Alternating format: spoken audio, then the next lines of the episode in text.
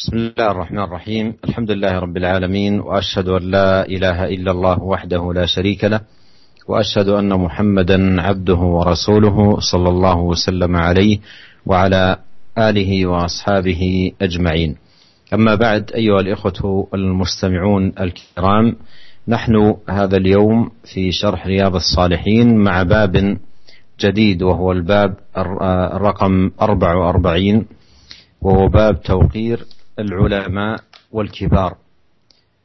توقير العلماء والكبار وأهل الفضل وتقديمهم على غيرهم ورفع مجالسهم وإظهار مرتبتهم. هذه الترجمة عقدها الإمام النووي رحمه الله تعالى لبيان مكانة أهل العلم والفضل. والمراد بأهل العلم أي بالشريعة. العلم بكتاب الله وسنة نبيه صلى الله عليه وسلم الذين هم حقيقة ورثة الأنبياء. فإن الأنبياء عليهم صلوات الله وسلامه لم يورثوا آه، دينارا آه، ولا درهما وإنما ورثوا العلم. ولهذا وراث الأنبياء حقيقة هم العلماء بكتاب الله سبحانه وتعالى وسنة رسوله صلى الله عليه وسلم. الذين لازموا العلم ولازموا مجالس العلم واعتنوا بكتب العلم حفظا وفهما وتفقها حتى أعطاهم الله سبحانه وتعالى حظا ونصيبا من العلم وأكرمهم بحظ منه. فهؤلاء لا شك أنه ثمة فرق كبير وبون شاسع بينهم وبين الذين لا يعلمون. ولهذا فإن النووي رحمه الله تعالى بدأ هذه الترجمة بإيراد قول الله سبحانه وتعالى قل هل يستوي الذين يعلمون والذين لا يعلمون إنما يتذكر أولو الألباب. شتان وفرق كبير بين من أكرمه الله سبحانه وتعالى وحباه ومن عليه بالفقه في الدين والبصيرة بكتابه والمعرفة بسنة نبيه صلى الله عليه وسلم وبين من لا يفقه ولا يعلم آه، فشتان بين هؤلاء وهؤلاء. ولهذا فإن هؤلاء العلماء أعني العلماء بالكتاب والسنة أهل الفقه والبصيرة في دين الله لا شك أن لهم آه، حقهم ولهم آه، احترامهم ولهم المعرفة بقدرهم كما سيأتي سوق العديد من الأدلة في بيان ذلك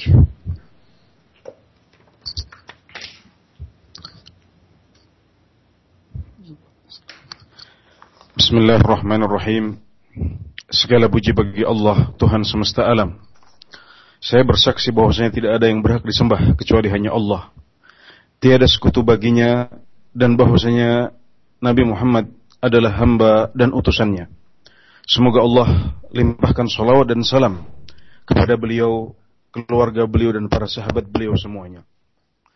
Para pendengar sekalian, hari ini dalam kajian Syarah Riyadhus Shalihin kita akan memasuki bab baru yaitu bab ke-44 yang oleh Imam Nawawi rahimahullahu taala diberi judul Bab Tawqiril Ulama wal Kibari wa Ahli al-Fadl وتقديمهم على غيرهم ورفع مجالسهم وإظهار مرتبتهم bab tentang penghormatan ulama dan orang-orang tua serta orang-orang yang utama pemilik keutamaan dan bagaimana kita mendahulukan mereka di atas orang lain bagaimana kita mengangkat atau menghormati majelis-majelis mereka dan bagaimana kita menunjukkan kedudukan mereka untuk orang lain yang dimaksud dengan ulama dalam bab yang akan kita bahas sekarang adalah ulama yang mengetahui ilmu syariah. Yang memiliki ilmu syariat, yaitu ilmu kitab dan sunnah. Dan mereka lah para pewaris Nabi. Karena para Nabi tidaklah mewariskan dinar atau dirham. Tapi mereka mewariskan ilmu maka para ulama yang telah sejak lama menyibukkan diri mereka dengan kitab-kitab, dengan menghafal, memahami dan mempelajari kandungannya, kemudian Allah Subhanahu wa taala berikan kepada mereka ilmu yang banyak, mereka lah yang dimaksud dengan ulama dalam bab ini. Dan alangkah jauh perbedaan antara mereka dengan orang-orang yang tidak memiliki ilmu. Karenanya Imam Nawawi rahimahullahu taala memulai bab ini dengan menyebutkan sebuah ayat Al-Qur'an. Yang artinya katakanlah wahai Muhammad apakah sama antara orang-orang yang mengetahui dan orang-orang yang tidak mengetahui? Sesungguhnya hanya orang-orang yang berakal yang senantiasa ingat. Ya. ini adalah firman Allah Subhanahu wa taala yang menjelaskan betapa jauh perbedaan antara orang-orang yang Allah berikan fikih dalam agama ini. Yang Allah berikan pemahaman dalam agama ini. Yang diberikan ilmu kitab dan sunnah. Dengan orang-orang yang tidak memiliki fikih dan pemahaman. Tidak diragukan lagi bahwasanya mereka memiliki hak yang agung atas kita semuanya. Kita harus menghormati mereka dan kita harus mengetahui kedudukan mereka sebagaimana akan dijelaskan dalam hadis-hadis yang akan disebutkan dalam bab ini. ثم أورد رحمه الله تعالى حديث أبي مسعود عقبة بن عمرو البدري الأنصاري رضي الله عنه قال قال رسول الله صلى الله عليه وسلم يؤم القوم أقرأهم لكتاب الله فإن كانوا في القراءة سواء فأعلمهم بالسنة فإن كانوا في السنة سواء فأقدمهم هجرة فإن كانوا في الهجرة سواء فأقدمهم سنا. ولا يؤمن الرجل الرجل في سلطانه ولا يقعد في بيته على تكريمته إلا بإذنه رواه مسلم.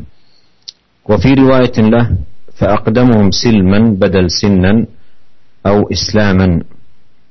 وفي رواية يؤم القوم أقرأهم لكتاب الله وأقدمهم قراءة فإن كانت قراءتهم سواء فيؤمهم أقدمهم هجرة فإن كانوا في الهجرة سواء فليؤمهم أكبرهم سنا.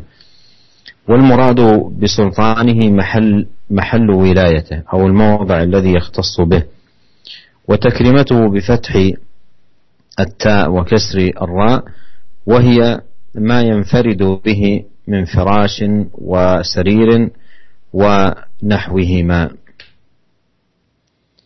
هذا الحديث أيها الإخوة الكرام فيه دلالة للترجمة من حيث معرفة قدر العلماء ومعرفة مكانتهم العظيمة وأن لهم التقديم ولا سيما في الوظائف الدينية من حيث الإمامة في الصلاة ومن حيث الخطابة ومن حيث الدعوة إلى الناس ومن حيث تعليم الخير ومن حيث أيضا سؤالهم في العلم لأن ثمة بعض المجالس يوجه السؤال إلى العوام وإلى من لا فقه عنده في دين الله عز وجل.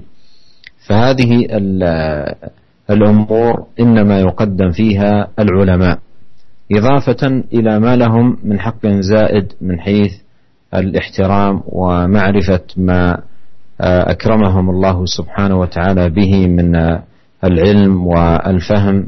والبصيرة بدين الله تبارك وتعالى. ولهذا فيما يتعلق بالإمامة أمر عليه الصلاة والسلام أن يقدم الأقرأ لكتاب الله تبارك وتعالى. فإن كانوا في القراءة سواء فالأعلم بالسنة وهكذا. فلوحظ في باب التقديم مراعاة الأعلم والأفقه والأحفظ فهؤلاء الذين لهم الأحقية في التقديم الذين حباهم الله عز وجل وأكرمهم بالعلم بكتاب الله وسنة نبيه صلى الله عليه وسلم. وهذا أيضا من جهة يعد حافزا للمؤمن أن يحرص على العلم بكتاب الله عز وجل وبسنة نبيه صلوات الله وسلامه عليه. Selanjutnya Imam Nawawi rahimahullahu taala menyebutkan sebuah hadis yang diriwayatkan oleh Muslim dari sahabat Abu Mas'ud Uqbah bin Amr al-Badri al-Ansari radhiyallahu anhu. Bahwasanya beliau berkata Rasulullah sallallahu alaihi wasallam bersabda hendaknya yang menjadi imam dalam salat sebuah kaum dalam salat sebuah kaum adalah orang yang paling banyak bacaannya atau paling banyak hafalannya untuk Al-Qur'an kemudian kalau mereka sama dalam hafalan dan bacaannya maka yang dikedepankan adalah orang yang lebih mengetahui sunnah. Dan jika mereka sama dalam ilmu sunnah, ya, dalam ilmu agama, maka yang dikedepankan adalah yang lebih dahulu hijrah. Dan jika mereka sama-sama hijrah di waktu yang sama, maka yang didahulukan adalah orang yang lebih tua. Dan hendaklah seorang di antara kalian tidak mengimami orang lain di tempat kekuasaannya dan janganlah seorang di antara kalian duduk di tempat duduk khususnya kecuali dengan izin darinya. Ya ini adalah uh, hadis Abu Mas'ud Uqbah bin Amr al-Badri yang dalam riwayat yang lain disebutkan bahwasanya jika mereka sama-sama hijrah di waktu yang sama maka yang didahulukan adalah yang lebih dahulu Islam kalau riwayat yang tadi yang didahulukan adalah yang lebih tua, maka riwayat ini menyebutkan, menyebutkan jika hijrah mereka di waktu yang sama, maka yang didahulukan adalah orang yang lebih dahulu masuk Islam. Ya, kemudian dalam riwayat yang lain disebutkan ya ummul qaum aqra'uhum li kitabillah wa aqdamuhum qira'ah. Ya. Yang mengimami sebuah kaum adalah orang yang paling banyak bacaannya dan yang lebih dahulu atau lebih lama bacaannya. Kemudian kalau mereka bacaannya sama, maka yang didahulukan adalah yang lebih dahulu hijrah. Dan jika hijrah mereka sama, maka yang didahulukan adalah yang lebih tua umurnya.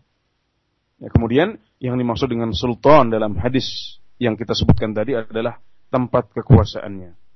Atau tempat yang menjadi kekhususannya, artinya tempat yang khusus untuk dia. Adapun takrimah dalam hadis ini artinya adalah e, kasur atau kursi ya, atau singgasana yang khusus untuk orang tersebut. Jadi kita tidak boleh duduk di tempat seperti itu kecuali dengan izin dari dari pemiliknya. Ya. Hadis ini menjelaskan kepada kita bahwasanya para ulama adalah orang-orang yang dikedepankan dalam berbagai hal seperti dalam fatwa, ya, dalam berbicara, dalam mengisi majelis. Mereka adalah orang-orang yang berhak untuk dikedepankan. Ya, karena di zaman kita ini kita banyak mendapatkan majelis-majelis di mana pertanyaan-pertanyaan di majelis tersebut diajukan kepada orang-orang yang tidak berhak, ya, orang-orang yang bisa dikatakan awam dalam bab ilmu agama. Maka hadis ini menjelaskan kepada kita bahwasanya seharusnya para ulama yang harus menempati tempat-tempat tersebut. Kemudian hadis ini juga menjelaskan kepada kita bahwasanya agama kita mengajarkan kita untuk menghormati mereka. Karena Allah telah memberikan kepada mereka ilmu dan pemahaman dalam ilmu agama sehingga kita harus mendahulukan mereka dan menghormati mereka. Kita perhatikan dalam hadis ini bahwasanya dalam bab dahulu mendahulukan agama kita melihat yang harus dilakukan pertama kali adalah orang yang paling banyak hafalannya dan paling baik bacaannya. Maka hadis ini secara tidak langsung mendorong kita, memotivasi kita untuk mempelajari Al-Quran dan menghafal ayat-ayatnya. ثم أورد الإمام النووي رحمه الله تعالى حديث عقبة بن عامر البدري رضي الله عنه قال كان رسول الله صلى الله عليه وسلم يمسح مناكبنا في الصلاة ويقول استووا ولا تختلفوا فتختلف قلوبكم ليلني منكم أولو الأحلام والنهى. ثم الذين يلونهم ثم الذين يلونهم. رواه مسلم. قال النووي رحمه الله وقوله صلى الله عليه وسلم ليلني هو بتخفيف النون وليس قبلها ياء. وروي بتشديد النون مع ياء قبلها. والنهى العقول وأولو الأحلام هم البالغون وقيل أهل الحلم والفضل. ثم أورد حديث عبد الله بن مسعود رضي الله عنه قال قال رسول الله صلى الله عليه وسلم ليلني منكم أولو الأحلام والنهى ثم الذين يلونهم ثلاثا. وإياكم وهيشات الأسواق رواه مسلم. هذا الحديث آه، حديث عقبة وكذلك في معناه حديث ابن مسعود رضي الله عنهما. فيه بيان ما لصاحب العلم والفضل من أحقية بحيث يكون هو الذي يلي آه، الإمام. وذلك أن الإمام قد يسهو في صلاته وقد يحتاج من يفتح عليه عندما يخطئ في صلاته وقد يحتاج أيضا من يخلفه في صلاته. فإذا كان الذي خلفه ليس من أولي الأحلام والنهى ربما أدى ذلك إلى إخلال بالصلاة فيما لو حصل شيء يحتاج إلى إما فتح عليه في صلاته أو أن يخلف في صلاته أو نحو ذلك. وعلى كل هذا يدل على ما بوب له المصنف من ما ينبغي أن يكون لأهل العلم والفضل من مكانة ومنزلة. والحديث الثاني حديث مسعود فيه أن النبي صلى الله عليه وسلم كرر ذلك ثلاث مرات اهتماما بهذا الأمر. وقال في تمامه وإياكم وهيشات الأسواق أي احذروا ذلك أي المنازعات التي تكون في الأسواق والخصومات ورفع الصوت احذروا أن يكون شيء منها في بيوت الله. في المساجد ينبغي أن تكون آه، ضافية بالطمأنينة والكلام الهادئ اللطيف في حدود ما يحتاج إليه. أما الخصومات واللجج ورفع الأصوات فهذه هيشات يجب أن يحذر أشد الحذر من آه، أن يكون فيها شيء من ذلك.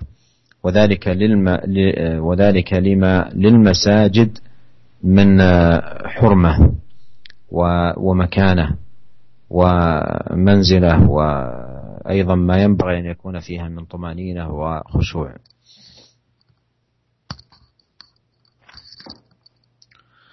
Selanjutnya Imam Nawawi rahimahullah menyebutkan hadis yang diriwayatkan oleh Muslim juga dan dari sahabat yang sama juga yaitu Abu Mas'ud radhiyallahu anhu bahwasanya dahulu Rasulullah sallallahu alaihi wasallam mengusap pundak-pundak kami dalam solat. Kemudian beliau mengatakan luruskanlah softnya dan janganlah kalian berbeda-beda. Jangan kalian berbeda dalam soft, tidak lurus dalam soft sehingga akhirnya hati kalian juga akan berbeda. Hendaklah yang sholat di belakangku adalah orang-orang yang memiliki ilmu dan akal. Kemudian yang setelah mereka dan kemudian yang setelah mereka. Ya. Imam Nawawi rahimahullah mengatakan bahwasanya kata liyal ini dalam hadis ini dibaca dengan uh, nun yang ringan tanpa ditasydidkan, tanpa syiddah dalam nun dan sebelumnya tidak disebutkan ya. Jadi liyalini demikian. Dan dalam sebuah riwayat disebutkan dengan nun yang ditasydidkan, nun dengan syiddah dan disebutkan dengan ya sebelumnya. Jadi liya liyaliyanni. Ya. Demikian. Adapun an-nuha ya, dalam hadis artinya adalah akal. Jadi yang dimaksud adalah orang-orang yang berakal, yaitu orang-orang yang sudah balik, ya, dan bisa juga berarti orang-orang yang memiliki ilmu dan keutamaan. Mereka lah orang-orang yang uh, lebih berhak untuk sholat di belakang Nabi Muhammad SAW langsung.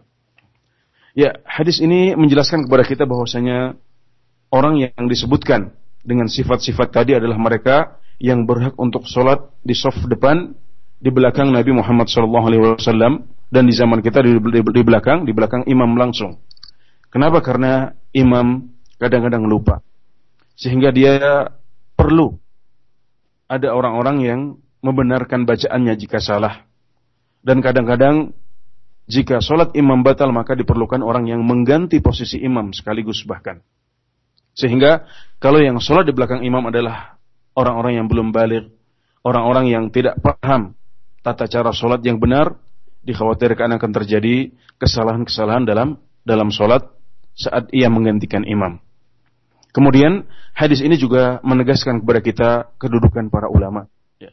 Bahkan dalam hadis yang kedua, ya dalam hadis yang kedua atau riwayat yang kedua disebutkan bahwasanya Nabi Muhammad SAW mengulang perkataan beliau ini sebanyak tiga kali.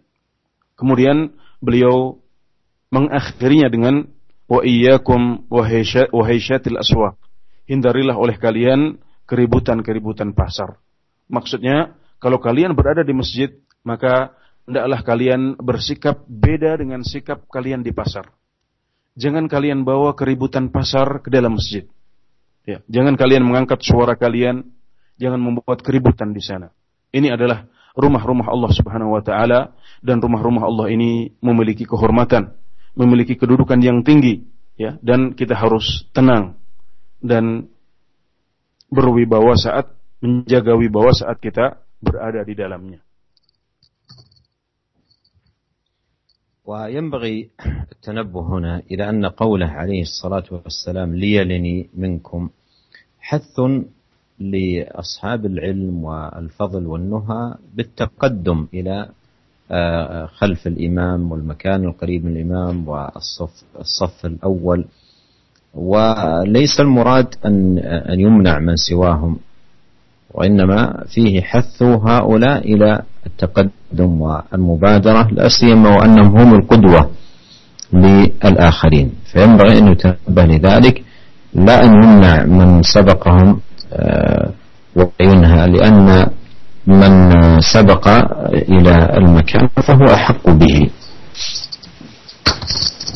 Kemudian ada sebuah catatan yang perlu kami ingatkan dari hadis ini bahwasanya sabda Nabi Muhammad SAW liyalini ya, tidak berarti bahwasanya orang-orang yang tidak memiliki ilmu dilarang untuk sholat di saf terdepan. Bukan berarti seperti itu. Maksudnya hendaklah para ulama, ya orang-orang yang memiliki ilmu, para ustadz, ya itu berlomba-lomba untuk mengisi saf yang paling depan. Ya. Karena mereka lah yang lebih berhak untuk menempati tempat tersebut. Adapun kalau ada orang yang awam yang tidak memiliki ilmu dan pemahaman agama yang yang memadai sudah mendahului mereka di soft-soft depan ini, maka mereka tidak boleh untuk dilarang atau kita suruh ke belakang karena mereka lah yang lebih berhak untuk menempati tempat tersebut karena mereka yang telah datang terlebih dahulu. ثم أورد رحمه الله تعالى حديث أبي يحيى وقيل أبي محمد سهل ابن أبي حثمة بفتح الحاء المهملة وإسكان الثاء المثلثة الأنصاري رضي الله عنه. قال انطلق عبد الله ابن سهل ومحيصة ابن مسعود إلى خيبر وهي يومئذ صلح فتفرقا فأتى محيصة إلى عبد الله بن سهل وهو يتشحط في دمه قتيلا. فدفنه ثم قدم المدينة فانطلق عبد الرحمن بن سهل ومحيصة وحويصة ابن مسعود إلى النبي صلى الله عليه وسلم. فذهب عبد الرحمن يتكلم فقال كبر كبر. وهو أحدث القوم. فسكت فتكلم فقال أتحلفون وتستحقون قاتلكم؟ وذكر تمام الحديث متفق عليه. وقوله صلى الله عليه وسلم آه، كبر معناه يتكلم الأكبر. هذا الحديث أيها الإخوة الكرام داخل في الترجمة. التي بوب لها المصنف رحمه الله تعالى ومن أجزاء الترجمة توقير الكبار أي كبار السن. لأن كبار آه، السن لهم آه، حق لما لهم من كبر في السن وتقدم فيه من حيث أن لهم الاحترام والتوقير ففي هذا الحديث حث على تقديم الأكبر سنا في الكلام. حيث أن النبي صلى الله عليه وسلم قال كبر كبر أي يتكلم الأكبر أي سنا. فهذا فيه أن من هدي النبي عليه الصلاة والسلام أن يقدم الأكبر. إذا كان حديثا يقدم الأكبر. إذا كان دخولا للبيت أو نحو ذلك يقدم الأكبر سنا. ففي ذلكم توقير الكبير واحترامه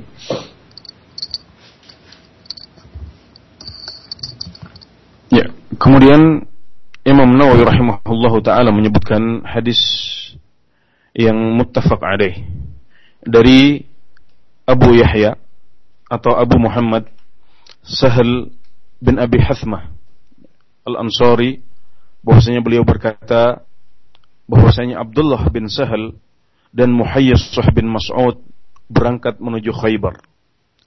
Dan saat itu Khaybar adalah kota yang sedang melakukan perjanjian damai dengan kaum muslimin.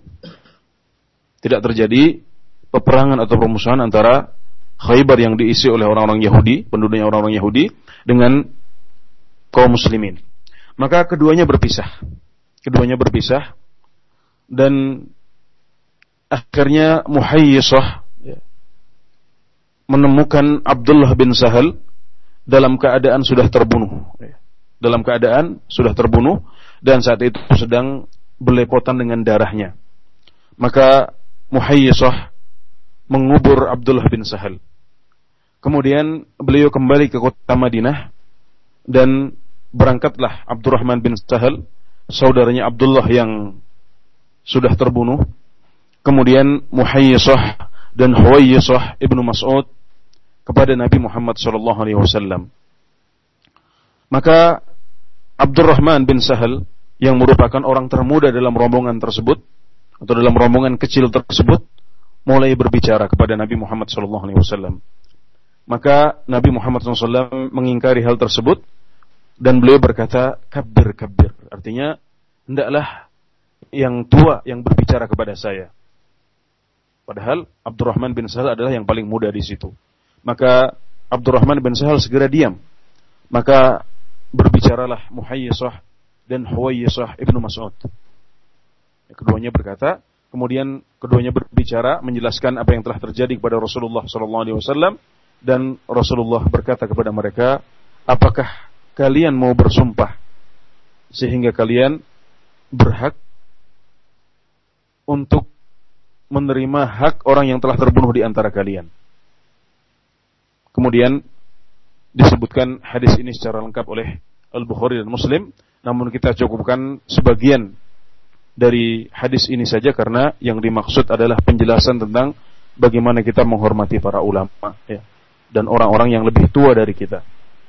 Ya, hadis yang telah kita sebutkan menjelaskan bahwasanya yang lebih berhak untuk berbicara adalah orang yang paling tua dari sebuah kaum, dari sebuah rombongan mereka yang lebih berhak untuk dihormati dan dihargai. Hadis ini menjelaskan bahwasanya orang yang lebih tua umurnya lebih didahulukan dalam berbicara. Demikian pula dalam hal-hal yang lain seperti saat masuk rumah memasuki pintu bersama-sama maka yang lebih berhak didahulukan untuk masuk adalah orang yang yang lebih tua dalam sebuah kaum atau sebuah rombongan.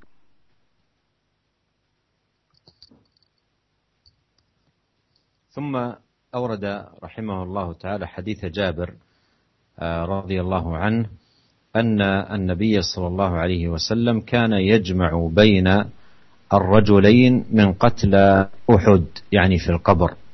ثم يقول أيهم أكثر أخذا للقرآن؟ فإذا أشير له إلى أحدهما قدمه في اللحد رواه البخاري. وهذا الحديث فيه أن أهل العلم والأكثر أخذا لكتاب الله عز وجل هم الأحق بالتقديم أحياء وأمواتا. هم الأحق بالتقديم أحياء وأمواتا. ففي حياتهم يقدمون وكذلك في مماتهم كما هو صنيع نبينا عليه الصلاة والسلام حيث يسأل أيهم أكثر أخذا للقرآن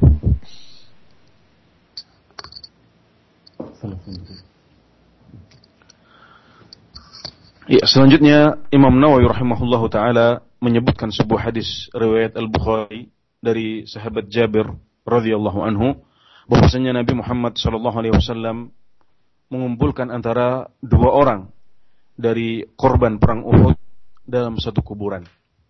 Kemudian beliau berkata, siapa di antara keduanya yang lebih banyak hafalannya? Maka jika dijawab Furan lebih banyak hafalannya, beliau segera mendahulukannya untuk dimasukkan ke dalam liang lahat. Ya. Hadis ini menegaskan kepada kita bahwasanya orang yang berilmu, orang yang lebih banyak hafalan Al-Quran itu dihormati oleh Islam. Mereka didahulukan dan dikedepankan baik saat mereka masih hidup maupun saat sudah meninggal. Adapun saat masih hidup telah kita jelaskan tadi dalam hadis-hadis yang telah lalu. Sedangkan pendahuluan mereka, didahulukannya mereka saat mereka sudah meninggal dijelaskan oleh hadis ini di mana Nabi Muhammad SAW mendahulukan orang yang lebih hafal yang lebih banyak hafalan Al-Quran untuk dimasukkan ke dalam liang lahat. ثم أورد رحمه الله تعالى حديث ابن عمر رضي الله عنهما أن النبي صلى الله عليه وسلم قال أراني في المنام أتسوك بسواك. فجاءني رجلان أحدهما أكبر من الآخر فناولت السواك الأصغر فقيل لي كبر فدفعته إلى الأكبر منهما رواه مسلم مسندا والبخاري تعليقا. وهذا الحديث يتعلق بتوقير الكبار كبار السن وأن لهم الأحقية بأن يقدموا مثل ما تقدم في الحديث وأن يقدموا أيضا في آه، الطعام أو الشراب أو غير ذلك. فإن آه، النبي صلى الله عليه وسلم جاءه آه، رجلان أحدهما أكبر من الآخر وذلك في المنام. قال فناولت السواك الأصغر فقيل كبر. فدعته إلى الأكبر منهما. فعلم من ذلك أن السنة عندما يريد مجموعة مثلا الدخول إلى مكان أو يقدم لهم طعام أو نحو ذلك يبدأ بالأكبر سنا احتراما له والتوقيرا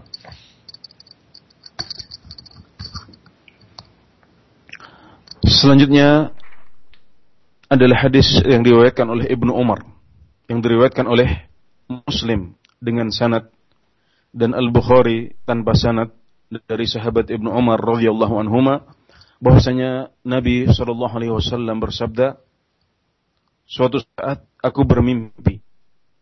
Dalam mimpi tersebut aku bersiwak ya aku menggosok gigiku dengan siwak kemudian datanglah dua orang yang satu lebih tua dari yang lain maka aku berikan siwak kepada yang lebih muda maka dikatakan kepadaku mulailah dengan yang lebih tua maka aku pun memberikan siwak tersebut kepada yang lebih tua di antara keduanya.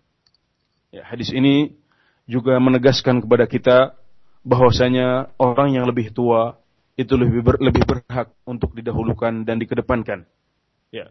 Tadi kita, sudah kita jelaskan bahwasanya orang yang lebih tua lebih berhak untuk didahulukan dalam berbicara, juga dalam makan dan minum. Karenanya sunnah Nabi Muhammad SAW dalam perkara-perkara seperti ini ya saat kita ingin masuk rumah atau saat kita diberi makan atau saat kita berbicara yang didahulukan adalah yang lebih tua di antara kita sebagai bentuk penghormatan dan penghargaan kepada mereka. ثم أورد حديث أبي موسى رضي الله عنه قال قال رسول الله صلى الله عليه وسلم إن من إجلال الله تعالى إكرام ذي الشيبة المسلم وحامل القرآن غير الغالي فيه والجاف عنه وإكرام ذي السلطان المقسط حديث حسن رواه أبو داود. ومعنى إجلال ومعنى إجلال الله أي تعظيمه سبحانه وتعالى. فإكرام ذي الشيبة المسلم وإكرام حامل القرآن غير الغالي فيه ولا الجاف عنه وإكرام ذي السلطان المقسط أي العادل هذا كله من تعظيم الله لأن الله سبحانه وتعالى دعا عباده إلى إكرام هؤلاء. ذو الشيبة المسلم يكرم لشيبته وإسلامه. ويكون له مكانة في القلوب وطيب وحسن في المعاملة. أيضا حامل القرآن الذي أكرمه الله سبحانه وتعالى بحمل القرآن في صدره لكن بشرط أن يكون غير غال فيه ولا جاف عنه لأن الناس بين غلو وجفاء وإفراط وتفريط وخير الأمور أوساطها لا تفريطها ولا إفراطها. فإذا كان عنده غلو بالخرافة والضلال والبدعة أو عنده جفا بالتفريط في طاعة الله مثل أن يكون حافظ القرآن لكن لا يصلي مثلا أو لا يشهد الجماعة أو يعرف بارتكاب الكبائر أو نحو ذلك. فمثل هؤلاء ليس لهم آه، نصيب من هذا الإكرام المذكور في الحديث. وإنما الإكرام لحامل القرآن غير الغالي فيه والجافي عنه. كذلكم إكرام ذي السلطان المقسط أي الأمير أو الوالي الذي يتعامل مع الناس بالعدل. ففي الحديث الحث على إكرام هؤلاء ويشهد لهذه الترجمة آه، ما يتعلق بإكرام ذي الشيبة توقير كبار السن وما يتعلق بحملة القرآن توقير أهل العلم. Selanjutnya sebuah sebuah hadis yang hasan dari Abu Dawud. Dari Abu Musa al-Ash'ari radhiyallahu anhu bahwasanya beliau berkata Rasulullah shallallahu alaihi wasallam bersabda sesungguhnya di antara bentuk penghormatan kita kepada Allah Subhanahu wa taala adalah menghormati orang tua yang muslim dan pembawa Al-Qur'an yang tidak berlebihan dan juga tidak jauh darinya dan juga menghormati penguasa yang adil. Hadis ini menjelaskan kepada kita bahwasanya di antara bentuk penghormatan kita kepada Allah Subhanahu wa taala adalah menghormati beberapa kelompok orang. Yang pertama adalah orang tua yang muslim. Orang tua yang muslim berhak dihormati karena dua hal. Yang pertama karena umurnya yang sudah tua dan yang kedua karena Islamnya. Adapun yang kedua adalah hamilul Quran ya. Pembawa Al-Quran maksudnya orang yang menghafalnya. Golongan yang kedua adalah penghafal Al-Quran. Tapi dengan dua syarat. Syarat yang pertama dia tidak berlebihan dalam Al-Quran. Maksudnya tidak mendalami atau menyelami sampai makna-makna yang tidak diketahui kecuali hanya Allah Subhanahu wa taala saja. Ya, tidak masuk ke dalam hal-hal yang bukan menjadi wewenang dia, yang dia tidak bisa masuk ke dalamnya, tidak bisa mengetahuinya, atau memiliki keyakinan yang macam-macam tentang Al-Quran yang tidak ada dasarnya, atau khurafat dan bid'ah dalam memahami Al-Quran. Ya, kalau dia hafal Al-Quran tapi memiliki sifat seperti ini, dia tidak memiliki hak untuk dihormati sebagaimana petunjuk hadis ini. Kemudian syarat yang kedua, dia tidak jauh dari Al-Quran itu sendiri. Jadi tidak berlebih-lebihan dan juga tidak kurang hormat kepada Al-Quran. Tidak berlebihan dalam menghormati Al-Quran, tidak berlebihan dalam menghormati Al-Quran, juga tidak berlebihan sehingga jauh dari pengamalan Al-Quran itu sendiri. Jadi kalau ada seorang penghafal Al-Quran, tapi dia masih melakukan dosa-dosa besar, ya, melakukan hal-hal yang tidak pantas dilakukan oleh seorang penghafal Al-Quran, maka kehormatan itu juga tercabut darinya. Adapun orang yang ketiga adalah orang yang memiliki kekuasaan tapi dia berbuat adil. Jadi tidak semua penguasa penguasa yang berhak untuk dihormati adalah penguasa yang berbuat adil. ثم أورد رحمه الله تعالى حديث عمرو بن شعيب عن أبيه عن جده رضي الله عنه قال قال رسول الله صلى الله عليه وسلم ليس منا من لم يرحم صغيرنا ويعرف شرف كبيرنا. حديث صحيح رواه أبو داود والترمذي وقال الترمذي حديث حسن صحيح. وفي رواية أبي داود حق كبيرنا. وأيضا جاء في بعض الروايات للحديث ويعرف لعالمنا حقه. وقوله عليه الصلاة والسلام آه، ليس منا.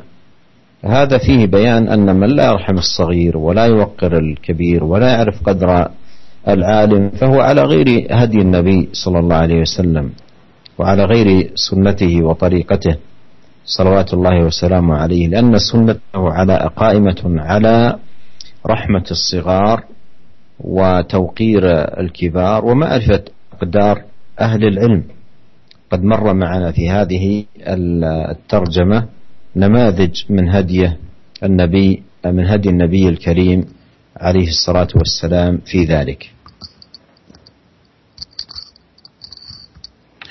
Selanjutnya sebuah hadis sahih yang diriwayatkan oleh Abu Dawud dan Tirmidzi dan Tirmidzi mengatakan tentangnya hadis yang hasan dan sahih dari Amr bin Shu'aib dari ayah beliau dari kakek beliau yaitu sahabat Abdullah bin Amr beliau berkata Rasulullah Shallallahu alaihi wasallam bersabda bukan termasuk golongan kami orang-orang yang tidak sayang kepada orang yang kecil atau yang muda juga tidak mengetahui kemuliaan orang tua. Dan dalam sebuah riwayat Abu Dawud, bukan termasuk kelompok kami orang yang tidak mengetahui hak orang tua di antara kami. Dan dalam sebuah hadis yang lain disebutkan, bukan termasuk kelompok kami, bukan termasuk golongan kami, orang-orang yang tidak mengetahui hak para ulama di antara kami. Jadi hadis Abdullah bin Amr ini menjelaskan kepada kita bahwasanya Islam mengajarkan untuk menyayangi yang kecil, untuk menghormati yang tua dan juga menghormati orang-orang yang berilmu di antara kita. Maka barang siapa yang tidak sayang kepada yang muda, yang tidak hormat kepada yang tua dan tidak menghormati para ulama, maka mereka telah berada di luar petunjuk Nabi Muhammad SAW dan sunnahnya. Mereka telah menyelisihi petunjuk dan sunnah Nabi Muhammad SAW.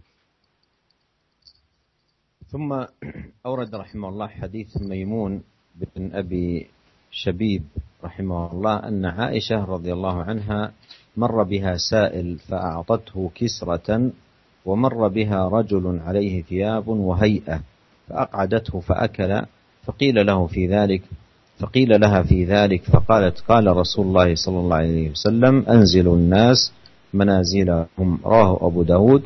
لكن قال ميمون لم يدرك عائشة. وقد ذكره مسلم في أول صحيحه تعليقا فقال وذكر عن عائشة آه، رضي الله عنها قالت أمرنا أمرنا رسول الله صلى الله عليه وسلم أن ننزل الناس منازلهم وذكره الحاكم أبو عبد الله في كتابه معرفة علوم الحديث وقال هو حديث صحيح.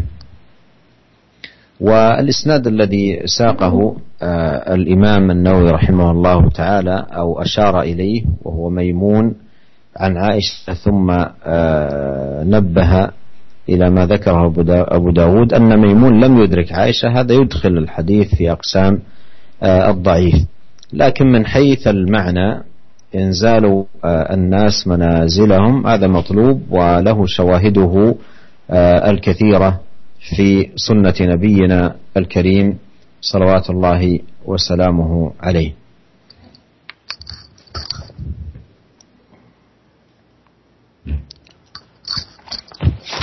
Selanjutnya sebuah hadis dari Maimun bin Abi Shabib rahimahullah bahwasanya Aisyah radhiyallahu anha suatu saat bertemu dengan seorang pengemis.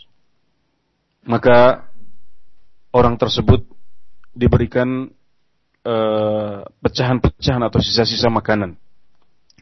Dan di saat yang lain datang kepadanya seorang pria dengan pakaian yang baik dan memiliki kedudukan yang bagus. Maka Aisyah mengajak orang tersebut untuk duduk, kemudian memberikannya makanan. Maka orang-orang bertanya kepadanya, kenapa berbuat seperti itu? kenapa berbeda sikap terhadap dua orang tersebut? Maka beliau berkata, Rasulullah SAW berkata, Anzilun nasa manazilahum. Ya. Sikapi setiap orang sesuai dengan kedudukannya. Ya, letakkanlah setiap orang sesuai dengan kedudukan mereka. Hadis ini riwayat Abu Dawud, tapi beliau mengatakan bahwasanya Maimun, perawi hadis ini belum bertemu dengan Aisyah. Dan Imam Muslim menyebutkan hadis ini di awal sahih beliau secara ta'liq.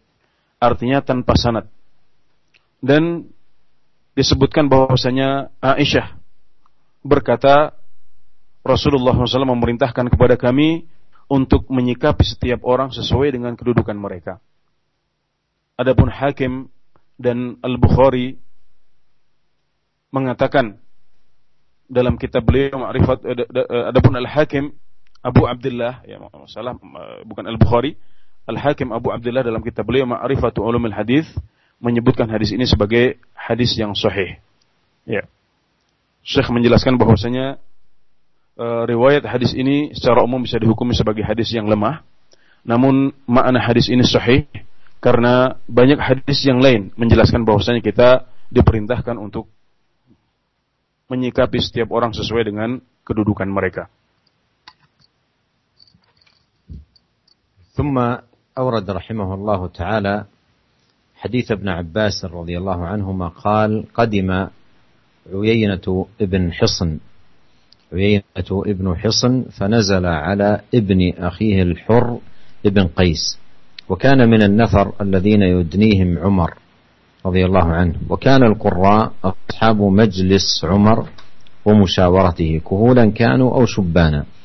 فقال عيينة لابن أخيه يا ابن أخي لك وجه عند هذا الأمير فاستأذن لي عليه. فاستأذن له. فأذن له عمر رضي الله عنه فلما دخل قال هي يا ابن الخطاب فوالله ما تعطينا الجزل ولا تحكم فينا بالعدل. فغضب عمر رضي الله عنه حتى هم أن يوقع به. فقال له الحر يا أمير المؤمنين إن الله تعالى قال لنبيه صلى الله عليه وسلم خذ العفو وأمر بالعرف وأعرض عن الجاهلين. وإن هذا من الجاهلين والله ما جاوزها عمر حين تلاها عليه وكان وقافا عند كتاب الله تعالى آه، رواه البخاري. والشاهد من هذا الحديث آه، آه، أن عمر بن الخطاب رضي الله عنه كان يدني القراء ويجعلهم أصحاب مجلسه ومشاورته كهولا كانوا أو شبانا كهولا كانوا أو شبانا. فهذا فيه آه، شاهد للترجمة من هذه الجهة.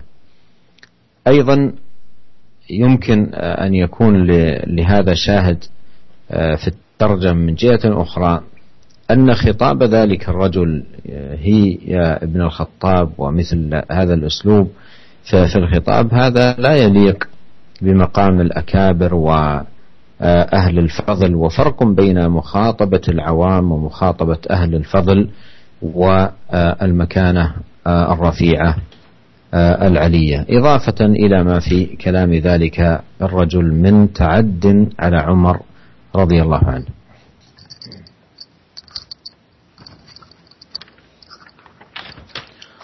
Kemudian sebuah hadis yang diriwayatkan oleh Al-Bukhari dari Ibnu Abbas, beliau berkata, suatu ketika Uyainah bin Hisan datang. Maka dia menginap di rumah anak saudaranya, ya, di rumah keponakannya yang bernama Al-Hur bin Qais. Al-Hur bin Qais ini adalah salah seorang yang memiliki kedekatan dengan Amirul Mukminin Umar bin Khattab radhiyallahu anhu. Dan kebiasaan Umar bin Khattab beliau menjadikan para qurra, para qari, para penghafal Al-Quran sebagai sahabat-sahabat dekat beliau dan tempat bermusyawarah. Beliau mempercayai mereka untuk menjadi tempat bermusyawarah. Baik yang muda maupun yang sudah tua.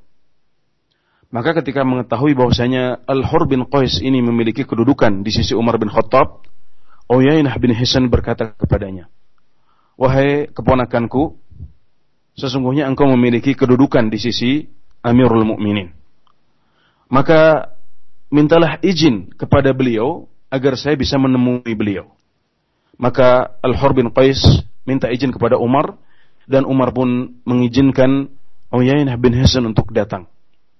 Ketika Uyainah masuk, dia berkata, "Hi," katanya. Ini adalah salah satu bentuk ancaman dalam bahasa Arab. Ya.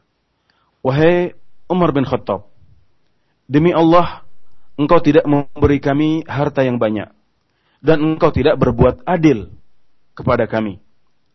Maka Umar bin Khattab marah sehingga hampir saja dia, hampir saja beliau menghukum orang ini. Maka Al-Hur bin Qais mengatakan, "Wahai Amirul Mukminin, sesungguhnya Allah Subhanahu wa taala berfirman kepada nabinya, berikanlah maaf, perintahlah kepada yang baik dan berpalinglah dari orang-orang yang bodoh." Demikian arti ayat yang disebutkan oleh Al-Hur bin Qais dan sesungguhnya wahai Amirul Mukminin orang ini Uyainah bin Hasan ini adalah di antara orang-orang yang bodoh. Maka akhirnya Umar pun tidak jadi menghukumnya. Umar bin Khattab berhenti pada ayat tersebut. Pada ayat yang dibacakan kepada beliau. Dan beliau senantiasa berbuat demikian. Banyak selalu mengikuti ayat-ayat Al-Quran. Kalau diperintahkan berpaling dari orang-orang yang bodoh, maka beliau pun berpaling. Beliau tidak meneruskan hukuman yang sudah beliau niatkan dalam hati beliau kepada orang yang kurang ajar ini. Ya. Hadis ini menunjukkan kepada kita bahwasanya Umar bin Khattab itu biasa mendekatkan para qari, maksudnya menjadikan mereka orang-orang yang dekat dan menjadikan mereka tempat untuk untuk bermusyawarah. Nah, ini adalah syahid atau yang perlu kita garis bawahi dari hadis ini yang ada hubungannya dengan dengan bab kita sekarang. Atau bisa juga dari sisi lain yang menunjukkan bahwasanya uh, ucapan keras dari Uyainah bin Husain tadi adalah satu hal yang tidak pantas diucapkan kepada orang seperti Umar bin Khattab apalagi saat itu beliau sedang menjadi khalifah atau amirul mukminin bagi kaum muslimin semuanya. ثم أورد رحمه الله تعالى حديث أبي سعيد سمرة بن جندب رضي الله عنه قال لقد كنت على عهد رسول الله صلى الله عليه وسلم غلاما فكنت أحفظ عنه. فما يمنعني من القول إلا أن ها هنا رجالا هم أسن مني متفق عليه. فهذا أيها الإخوة الكرام يستفاد منه أدب الصحابة آه، رضي الله عنهم وما يتمتعون به من احترام وتوقير وإجلال للأكبر منهم آه، سنا. ومعرفة آه، صغار الصحابة بشرف كبارهم. فكل هذه المعاني ظاهرة في هديهم وسمتهم وخلقهم وتعاملهم رضي الله عنهم وأرضاهم. فها هو سمرة يكون حافظا لكن لا يمنعه من القول إلا أن في المجلس من هو أكبر منه سنا فيراعي عدم التقدم عليه في الحديث احتراما له وتوقيرا Yang ke-11 hadis yang diriwayatkan oleh Al-Bukhari dan Muslim dari Abu Sa'id Samurah bin Jundub radhiyallahu anhu. Beliau berkata, Di zaman Nabi Muhammad SAW, aku adalah seorang anak yang masih kecil. Dan dahulu aku mengingat dan menghafal dari beliau, dari Nabi Muhammad SAW banyak hal. Namun tidak ada yang menghalangi saya untuk berbicara di majlis kecuali karena di sana ada banyak orang yang lebih tua dari saya. Ya, hadis ini menjelaskan kepada kita praktek langsung para sahabat untuk sunnah yang sudah kita jelaskan tadi. Untuk ajaran bahwasanya orang-orang tua harus didahulukan dalam banyak hal. Di sini kita lihat Samurah bin Jundub yang merupakan salah satu sahabat muda. Meskipun beliau menghafal banyak hal, meskipun beliau menghafal Al-Quran dan yang lain, beliau tidak lantas berani berbicara di majlis karena di sana masih banyak orang yang lebih berhak daripada beliau karena lebih tua dari beliau. Hadis ini menunjukkan bahwasanya para sahabat muda mengetahui hak para sahabat tua. Dan inilah adab, akhlak, dan muamalah yang telah dicontohkan oleh mereka kepada kita semuanya untuk diteladani. ثم ختم رحمه الله تعالى هذه الترجمة بحديث أنس رضي الله عنه. قال قال رسول الله صلى الله عليه وسلم ما أكرم شاب شيخا لسنه إلا قيض الله له من يكرمه عند سنه. رواه الترمذي وقال حديث غريب. وهذا الحديث آه، كما نبه المصنف وأشار حديث آه، آه، إسناده ضعيف. إسناده ضعيف لكن من حيث المعنى المعنى صحيح لأن قاعدة الشريعة في هذا الباب أن الجزاء من جنس العمل وأن المعروف لا يذهب وإن قل. فمن أكرم آه، شيخا لسنه أي مراعاة لكبر سنه آه، احتراما له وتوقيرا فإن الله عز وجل يجازيه من جنس عمله فإذا كبر يقيض الله سبحانه وتعالى له من يكرمه جزاء لإحسانه مع كبار السن في شبابه فيهيئ الله له من يكرمه من صغار السن عند كبر سنه.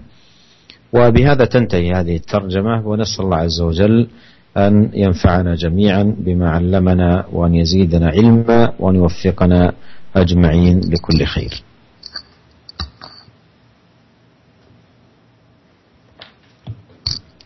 Yang kedua belas dan yang terakhir adalah sebuah hadis yang diriwayatkan oleh Anas bin Malik radhiyallahu anhu bahwasanya beliau berkata Rasulullah sallallahu alaihi wasallam bersabda Tidaklah seorang anak muda menghormati orang tua karena umurnya, kecuali Allah akan menyiapkan untuknya orang-orang yang menghormatinya saat sudah tua. Hadis ini diriwayatkan oleh Tirmidzi dan beliau berkata ini adalah hadis yang gharib. Artinya di salah satu tingkatan sanatnya hanya ada satu orang saja yang meriwayatkan dan Syekh menjelaskan bahwasanya hadis ini secara sanad lemah namun makna yang dikandungnya sahih. Ya. Arti yang dikandung oleh hadis ini adalah sahih karena dia sesuai dengan kaidah al-jaza'u min jinsil amal. Pahala amalan itu sejenis dengan amalan tersebut. Ganjaran atau balasan suatu amalan itu sejenis, tidak harus sama tapi sejenis dengan amalan tersebut. Ya. Jadi barang siapa yang saat masih muda menghormati orang tua, maka dia akan dibalas dengan penghormatan yang yang sejenis. Saat tua nanti akan ada orang-orang yang menghormati dia. Barang siapa yang saat muda menghormati orang tua, maka Allah akan menyediakan ya, untuknya di saat dia sudah tua nanti orang-orang yang akan menghormatinya sebagaimana dia dahulu telah menghormati orang-orang yang sudah tua saat dia masih muda. Ya, demikian semoga apa yang telah disampaikan ini bermanfaat. Semoga Allah Subhanahu wa taala menambah untuk kita semuanya ilmu dan pemahaman yang baik serta semoga Allah Subhanahu wa taala membimbing kita semuanya kepada setiap kebaikan. Jazakallah khairan ya Syekh atas uh, dars yang telah disampaikan dan uh, tidak ada waktu bagi kami untuk uh, menyampaikan pertanyaan di sore hari ini. Langsung saja kami akan memberikan kesempatan kepada Syekh untuk memberikan ikhtitam fi khitami hadhil muhadarah uh, natlubu minkum ala ikhtitam falyatafadhal ya Syekh. آه، في ختام لقائنا هذا آه، أشكر حقيقة آه، للإخوة الكرام في هذه الإذاعة إذاعة رجاء وأيضا الإذاعات الأخرى المتعاونة. وأرجو الله عز وجل لنا أجمعين التوفيق وأن يثيب الإخوة المستمعين على حرصهم واستماعهم ومتابعتهم.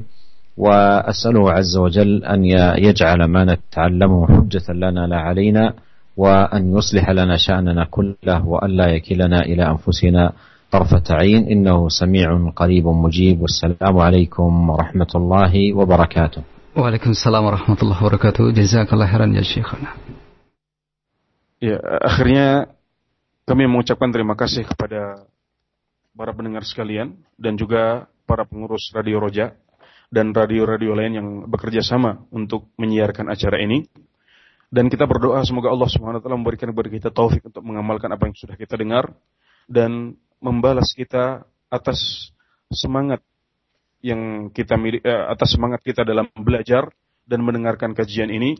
Semoga Allah Subhanahu wa taala menjadikan amalan ini sebagai hujah untuk kita bukan hujah atas kita dan semoga Allah Subhanahu wa taala memperbaiki segala keadaan kita dan tidak menyandarkan kita pada diri kita sekejap mata pun. Demikian